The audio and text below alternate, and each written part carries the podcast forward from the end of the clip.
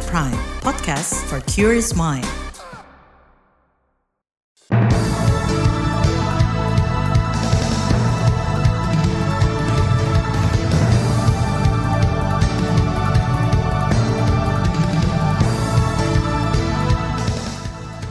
Selamat pagi saudara, berjumpa kembali dalam Buletin Pagi edisi Kamis 2 November 2023. Saya Naomi Liandra. Sejumlah informasi pilihan telah kami siapkan di antaranya. Majelis Kehormatan MK diminta berhentikan Anwar Usman. Jokowi yakin Agus Subianto mumpuni jadi Panglima TNI. Kendaraan langgar uji emisi di Jakarta bakal ditilang hingga Rp500.000. Inilah Buletin Pagi selengkapnya terbaru di Buletin Pagi. Saudara sidang kasus dugaan pelanggaran kode etik dalam putusan Mahkamah Konstitusi terkait syarat baca pres cawapres menjadi pertaruhan kredibilitas Majelis Kehormatan MK. Pakar Hukum Tata Negara dari Universitas Andalas Charles Simabura mengatakan proses persidangan MKMK menjadi sorotan publik. Kasus ini harus segera diputus secara jernih dan terbuka demi mengembalikan muruah Mahkamah Konstitusi hal ini menjadi pesan bagi MKMK untuk satu ya profesional, yang kedua ya juga harus tegas ya akuntabel sehingga prosesnya bisa dipertanggungjawabkan. Apa itu prosesnya dipertanggungjawabkan? Ya mereka harus uh, seperti yang sudah dilakukan ya, memberikan akses yang luas juga bagi masyarakat untuk bisa memantau proses meskipun ada yang tertutup juga begitu ya. Pakar Hukum Tata Negara dari Universitas Andalas Charles Simabura menuturkan MKMK harus bisa menggali informasi yang cermat dan komprehensif agar membuat putusan yang adil. Menanggapi desakan ini, Ketua MKMK Jimli Asidik menyebut sidang kasus pelanggaran kode etik putusan MK cukup kompleks. Ada sembilan pelapor dalam perkara ini. Menurut Jimli dibutuhkan objektivitas dan pengamatan cermat untuk memutus kasus tersebut. Jadi kita ini perdebatan akal sehat gitu loh Oke, sambil ini pembelajaran bagi Anda semua dan bagi publik. Karena ini sudah ke mana-mana ini isunya. Pisahkan dulu urusan politik, urusan aturan main, dan urusan cara membuat keputusan mengenai aturan main. Ini tiga hal. Nah, dalam cara ini ada soal etika hakim, begitu-gitu. Oke? Ketua MKMK Jimli Asidik memastikan lembaganya memegang prinsip kehati-hatian dan independensi. Seperti diberitakan sebelumnya dalam perkara ini Ketua MK Anwar Usman menjadi hakim konstitusi yang paling banyak dilaporkan. Anwar diduga melanggar kode etik karena menangani perkara yang melibatkan keluarganya. Perkara yang dimaksud adalah aturan batas minimal usia capres-cawapres. Putusan MK membuka jalan bagi Gibran Raka Buming Raka, keponakan Anwar, untuk maju di Pilpres tahun depan. Saudara salah satu pelapor Ferry Amsari meminta MKMK segera memutus Ketua MK Anwar Usman bersalah dan diberi sanksi berat berupa pemberhentian tidak hormat. Ferry, yang merupakan pakar hukum tata negara menilai MKMK terlalu lama memutus perkara. Padahal seluruh bukti jelas menunjukkan adanya konflik kepentingan dalam putusan MK yang diketuai Anwar Usman bahwa ketua MK adalah paman Gibran, bahwa pemohon punya relasi dengan Gibran, dan orang yang mendapatkan manfaat dari perkara ini melalui putusan ini adalah Gibran. Terpenuhi sudah, sudah selesai sebenarnya uh, pemenuhan pembuktian bahwa telah terjadi pelanggaran etik. Jangan diperpanjang lagi, sudah terang beneran ini pelanggaran etik. Ini kan apa ya, uh, etik dan kondisinya sangat mendesak ya. Jadi uh, aneh kalau kemudian berlarut-larut setelah diberikan sanksi etik atau MK diberhentikan. Ferry juga mendorong MK-MK bersikap adil dan transparan dalam memutus perkara tersebut. Sementara itu di internal MK mencuat usulan perombakan hakim konstitusi yang dilontarkan Arif Hidayat. Merespon usulan sejawatnya ini Ketua MK Anwar Usman menyerahkan sepenuhnya keputusan kepada MK-MK. Setuju? Ya, apa kata MK-MK? Bukan masalah setuju. Ya, itu tadi Ketua MK Anwar Usman. Jika terbukti melanggar, Anwar bakal diberi sanksi terberat, yakni diberhentikan dengan tidak hormat.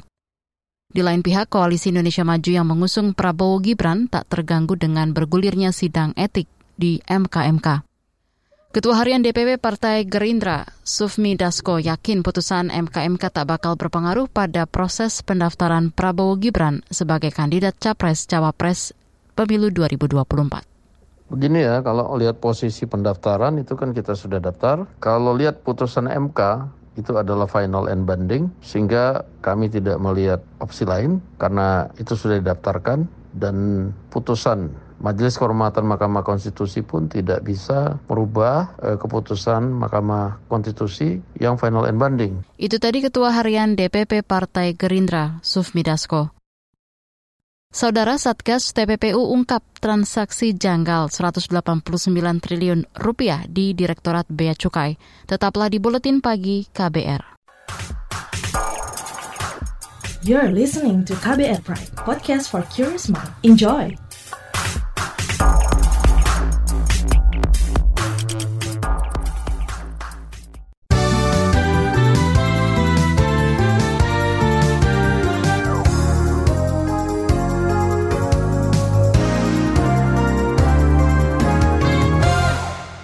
Anda sedang mendengarkan buletin pagi KBR. Presiden Joko Widodo menyatakan Kepala Staf Angkatan Darat Agus Subianto memenuhi syarat sebagai calon Panglima TNI karena sudah berpengalaman. Agus diajukan sebagai calon tunggal pengganti Yudo Margono yang bakal pensiun akhir bulan ini. Tapi kalau melihat jam terbangnya saya kira di teritorial kemudian di di administratif, akademis semuanya memenuhi semuanya. Hmm? Hmm? Ya belum satu-satu. Ini kan memperoleh persetujuan dari DPR lebih dahulu, baru setelah ada persetujuan baru kita berpikir kasat yang baru. Presiden Jokowi menyebut belum memutuskan sosok yang bakal menjabat Kepala Staf Angkatan Darat jika Agus Subianto dilantik sebagai Panglima TNI. Sebelumnya surat Presiden Surpres tentang penunjukan Agus Subianto sebagai calon Panglima TNI tengah diproses DPR. Jika disetujui, maka bakal ditindaklanjuti dengan menggelar uji kepatutan dan kelayakan. Kita ke informasi pemilu. Kabar Pemilu. Kabar Pemilu. Polri memastikan kesiapan personil di tingkat pusat dan daerah mengawal tahapan pemilu yang kini tengah berjalan. Kapolri Listio Sigit Prabowo mengatakan apel kepala satuan wilayah digelar untuk mengawal sejumlah program pembangunan yang mesti tuntas setahun ke depan. Acara tersebut berlangsung di Jakarta kemarin yang dihadiri pejabat Polri dari pusat dan daerah. Polri harus siap baik dalam menghadapi tahapan pemilu yang ada, menghadapi dinamika tantangan global yang tentunya berimplikasi terhadap meningkatnya kejahatan, tertentu beberapa waktu yang lalu dampak dari perang Israel Palestina tentunya juga membangkitkan sel-sel yang terafiliasi dengan teroris dan mau tidak mau kita juga tentunya harus waspada. Kapolri Listio Sigit Prabowo menambahkan jajarannya juga melakukan pemetaan wilayah-wilayah yang berpotensi terjadi gangguan keamanan dan ketertiban. Kita beralih ke informasi hukum. Satuan Tugas Tindak Pidana Pencucian Uang TPPU menemukan bukti awal transaksi janggal 189 triliun rupiah terkait importasi emas. Terduga pelaku berinisial SB bersama perusahaan di luar negeri diduga memalsukan kepabeanan. Hal itu diungkapkan Menteri Koordinator Politik Hukum dan Keamanan Mahfud MD yang juga sekaligus Ketua Komite TPPU. Modus kejahatan yang dilakukan adalah mengkondisikan seolah-olah emas batangan yang diimpor telah diolah menjadi perhiasan dan seluruhnya telah diekspor. Padahal berdasar data yang diperoleh, emas batangan sebesar 3,5 ton diduga beredar di perdagangan dalam negeri. Dengan demikian, grup SB telah menyalahgunakan surat ketetapan bebas BPH pasal 22 Menko Polhukam Mahfud MD menambahkan surat perintah penyidikan kasus ini sudah diterbitkan pada 19 Oktober. Dugaannya ialah pelanggaran Undang-Undang Kepabeanan dan Undang-Undang TPPU. Pada kesempatan berbeda, Menteri Keuangan Sri Mulyani menyebut skandal emas yang berada di bawah Ditjen Bea Cukai senilai 189 triliun rupiah adalah bagian dari transaksi janggal 340-an triliun rupiah di lingkungan Kementerian Keuangan. Kita ke informasi berikutnya. Wakil Presiden Ma'ruf Amin meminta TNI mengoptimalkan lahan tidur atau lahan yang dua tahun lebih tidak dimanfaatkan. Kata dia lahan-lahan itu bisa dimanfaatkan untuk pertanian guna menopang sektor pangan. Dan kebetulan di bawah TNI ini banyak lahan-lahan yang masih tidur. Oleh karena itu kita melakukan upaya-upaya optimalisasi dan ini juga bagian daripada tugas TNI dalam rangka operasi militer selain perang ya, OMSP-nya. Nah, ini akan dioptimalkan sekarang pada masalah penanggulangan ketahanan pangan. Wapres Maruf Amin menuturkan gerakan garap lahan merupakan jawaban terhadap masalah pangan global. Sementara itu Panglima TNI Yudo Margono telah memerintahkan jajaran yang memanfaatkan lahan tidur untuk kebutuhan pangan. Kita ke berita ekonomi. Kunjungan wisatawan Nusantara mencapai 626 juta perjalanan pada periode Januari hingga September 2023. Jumlah ini meningkat 12 persen dibanding periode yang sama tahun lalu. Berikut keterangan Deputi Bidang Statistik Distribusi dan Jasa Badan Pusat Statistik BPS Puji Ismartini dalam konferensi pers kemarin. Nah, jika dibandingkan selama lima tahun terakhir, jumlah perjalanan wisatawan Nusantara hingga bulan September 2023 ini merupakan yang tertinggi dibandingkan periode yang sama di tahun 2019 sampai dengan 2022. Puji menambahkan destinasi wisata di Jawa mendominasi kunjungan Wisman, yakni 74 persen dari total perjalanan. Dalam kesempatan yang sama, BPS juga mengumumkan inflasi Oktober mencapai 0,17 persen secara bulanan dan 2,56 persen secara tahunan. Beralih ke berita mancanegara. Mulai 1 November kemarin, Mesir membuka pintu bagi warga Gaza yang menjadi korban luka akibat perang Israel-Hamas – Dikutip Reuters, hal ini berdasarkan kesepakatan yang dimediasi oleh Qatar. Sementara itu, pasukan Israel terus melanjutkan pertempuran melawan Hamas di daerah kantong Palestina. Para pengungsi Palestina dibawa dengan ambulans melalui perlintasan perbatasan Rafah di Gaza menuju Mesir. Kementerian Kesehatan Gaza mencatat 8.500 warga Palestina, termasuk 3.500-an anak-anak, terbunuh sejak meletusnya perang pada 7 Oktober lalu. Masih soal agresi militer Israel, Amerika Serikat berencana memberikan bantuan 228 triliun rupiah untuk mendukung Israel yang tengah berperang dengan Hamas Palestina sejak 7 Oktober lalu.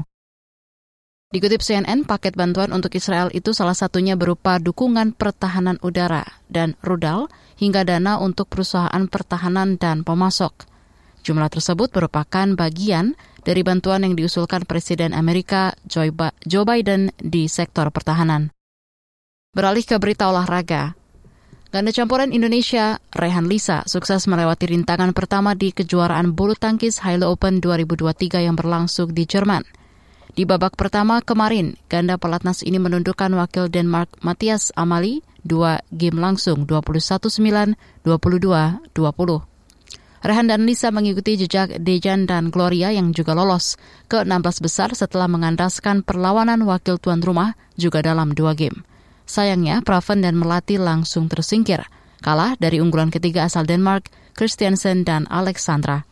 Dengan hasil ini total ada empat wakil merah putih yang bakal bertanding di babak kedua. Kita ke dunia sepak bola.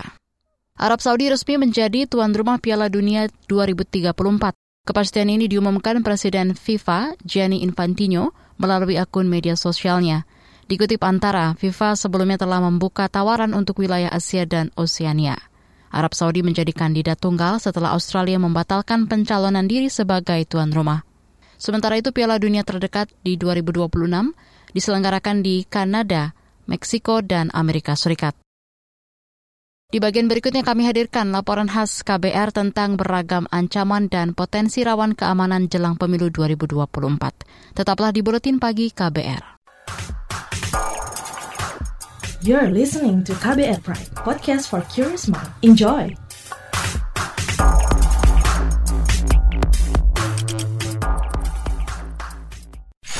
Commercial break.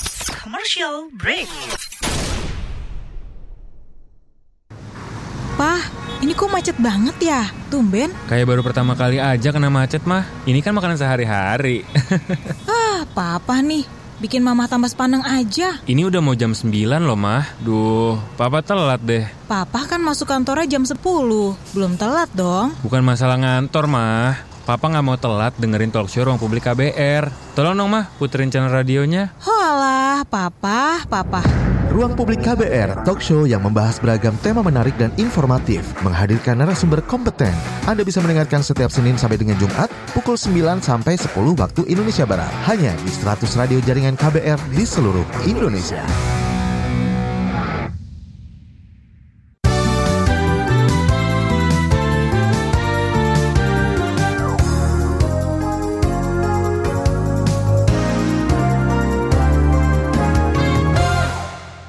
Anda masih bersama kami di Buletin Pagi KBR. Pemilihan umum serentak 2024 tidak hanya mendapat ancaman terorisme, pemilu juga menghadapi potensi kerawanan gangguan keamanan lainnya. Apa saja ancamannya berikut laporan khas KBR disusun Agus Lukman. Salah satu indikator kelancaran penyelenggaraan pemilu 2024 adalah dari sisi kesiapan menghadapi ancaman dan gangguan keamanan.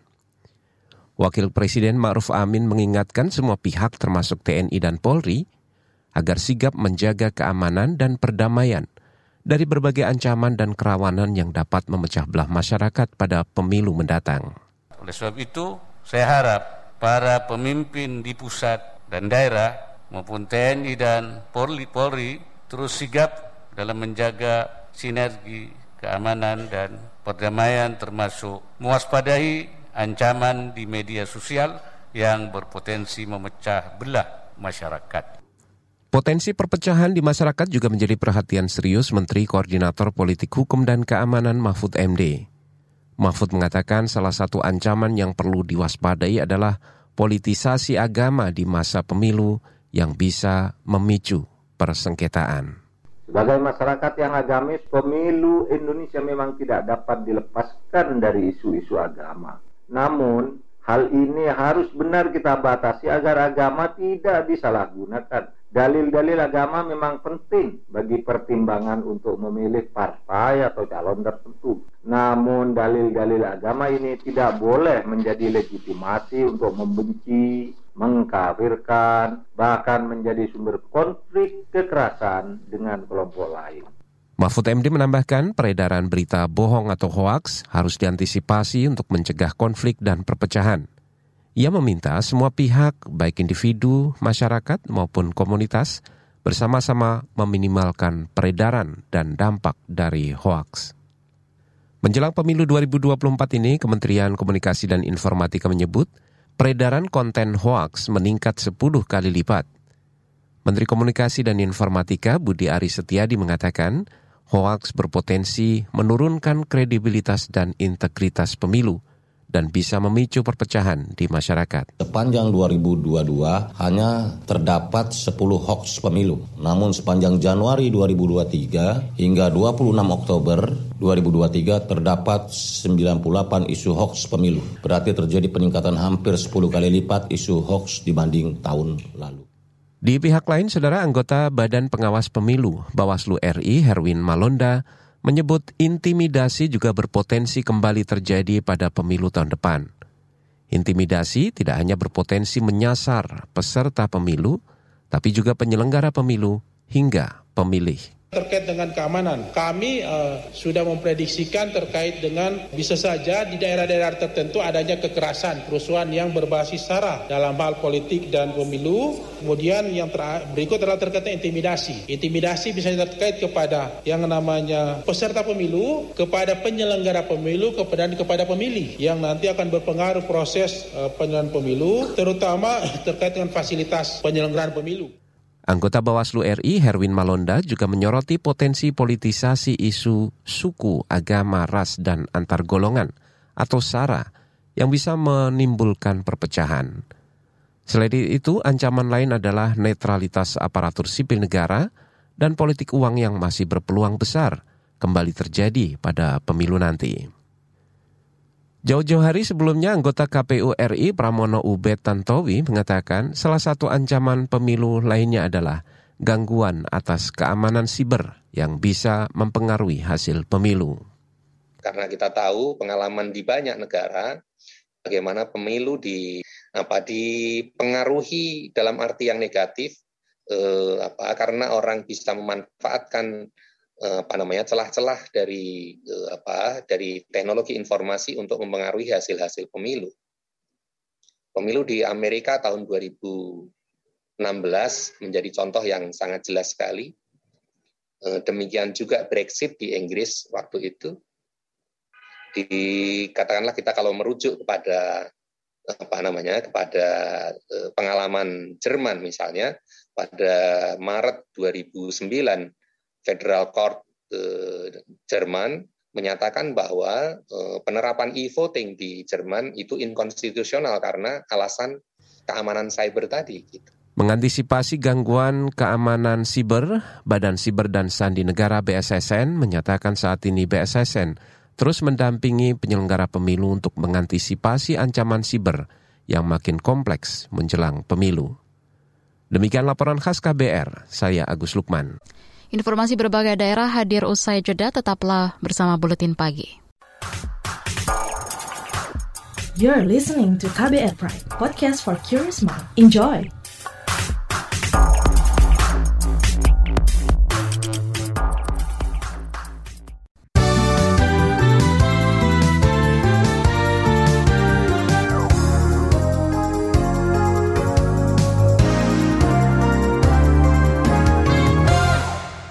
Inilah bagian akhir buletin pagi KBR.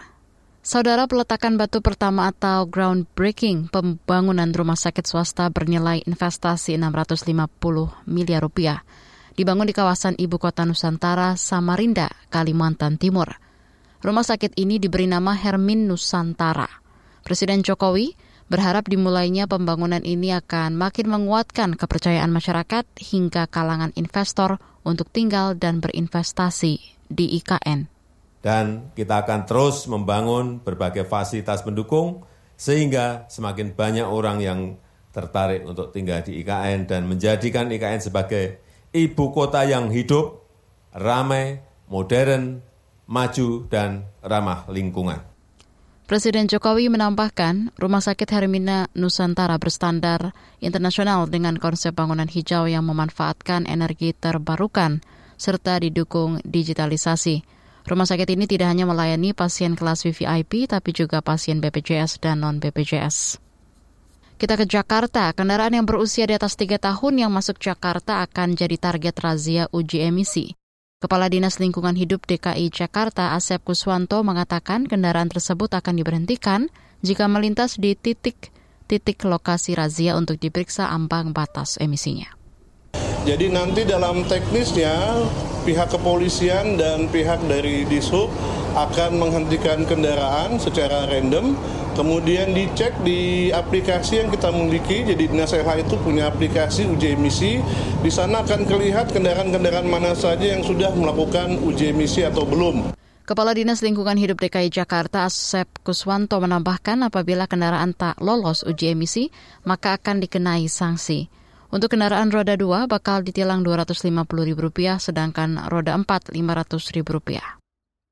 Bergeser ke Papua, Menteri Dalam Negeri Tito Karnavian meminta seluruh pejabat kepala daerah di Papua mengoptimalkan layanan publik, ubah stigma bahwa pejabat jarang di tempat. Selain itu, koordinasi dengan para pemangku kepentingan di daerah juga harus ditingkatkan. Nggak ada kepala daerah yang bisa berhasil tanpa didukung oleh Pangdam, Kajati, Ketua DPRD, pengadilan, kemudian Kapolda. Sama, Pangdam gak akan pernah ada bisa berhasil tanpa dukungan dari stakeholder yang lainnya berkombinasi. Kemarin Menteri Dalam Negeri Tito Karnavian melantik penjabat Gubernur Papua Barat Ali Baham Temung Mere. Ali menggantikan Paulus Waterpau yang purna tugas. Informasi tadi menutup jumpa kita di Buletin Pagi hari ini. Pantau informasi terbaru melalui kabar baru, situs kbr.id, Twitter at berita KBR, dan juga podcast di kbrprime.id. Saya Naomi Liandra bersama tim yang bertugas undur diri. Salam.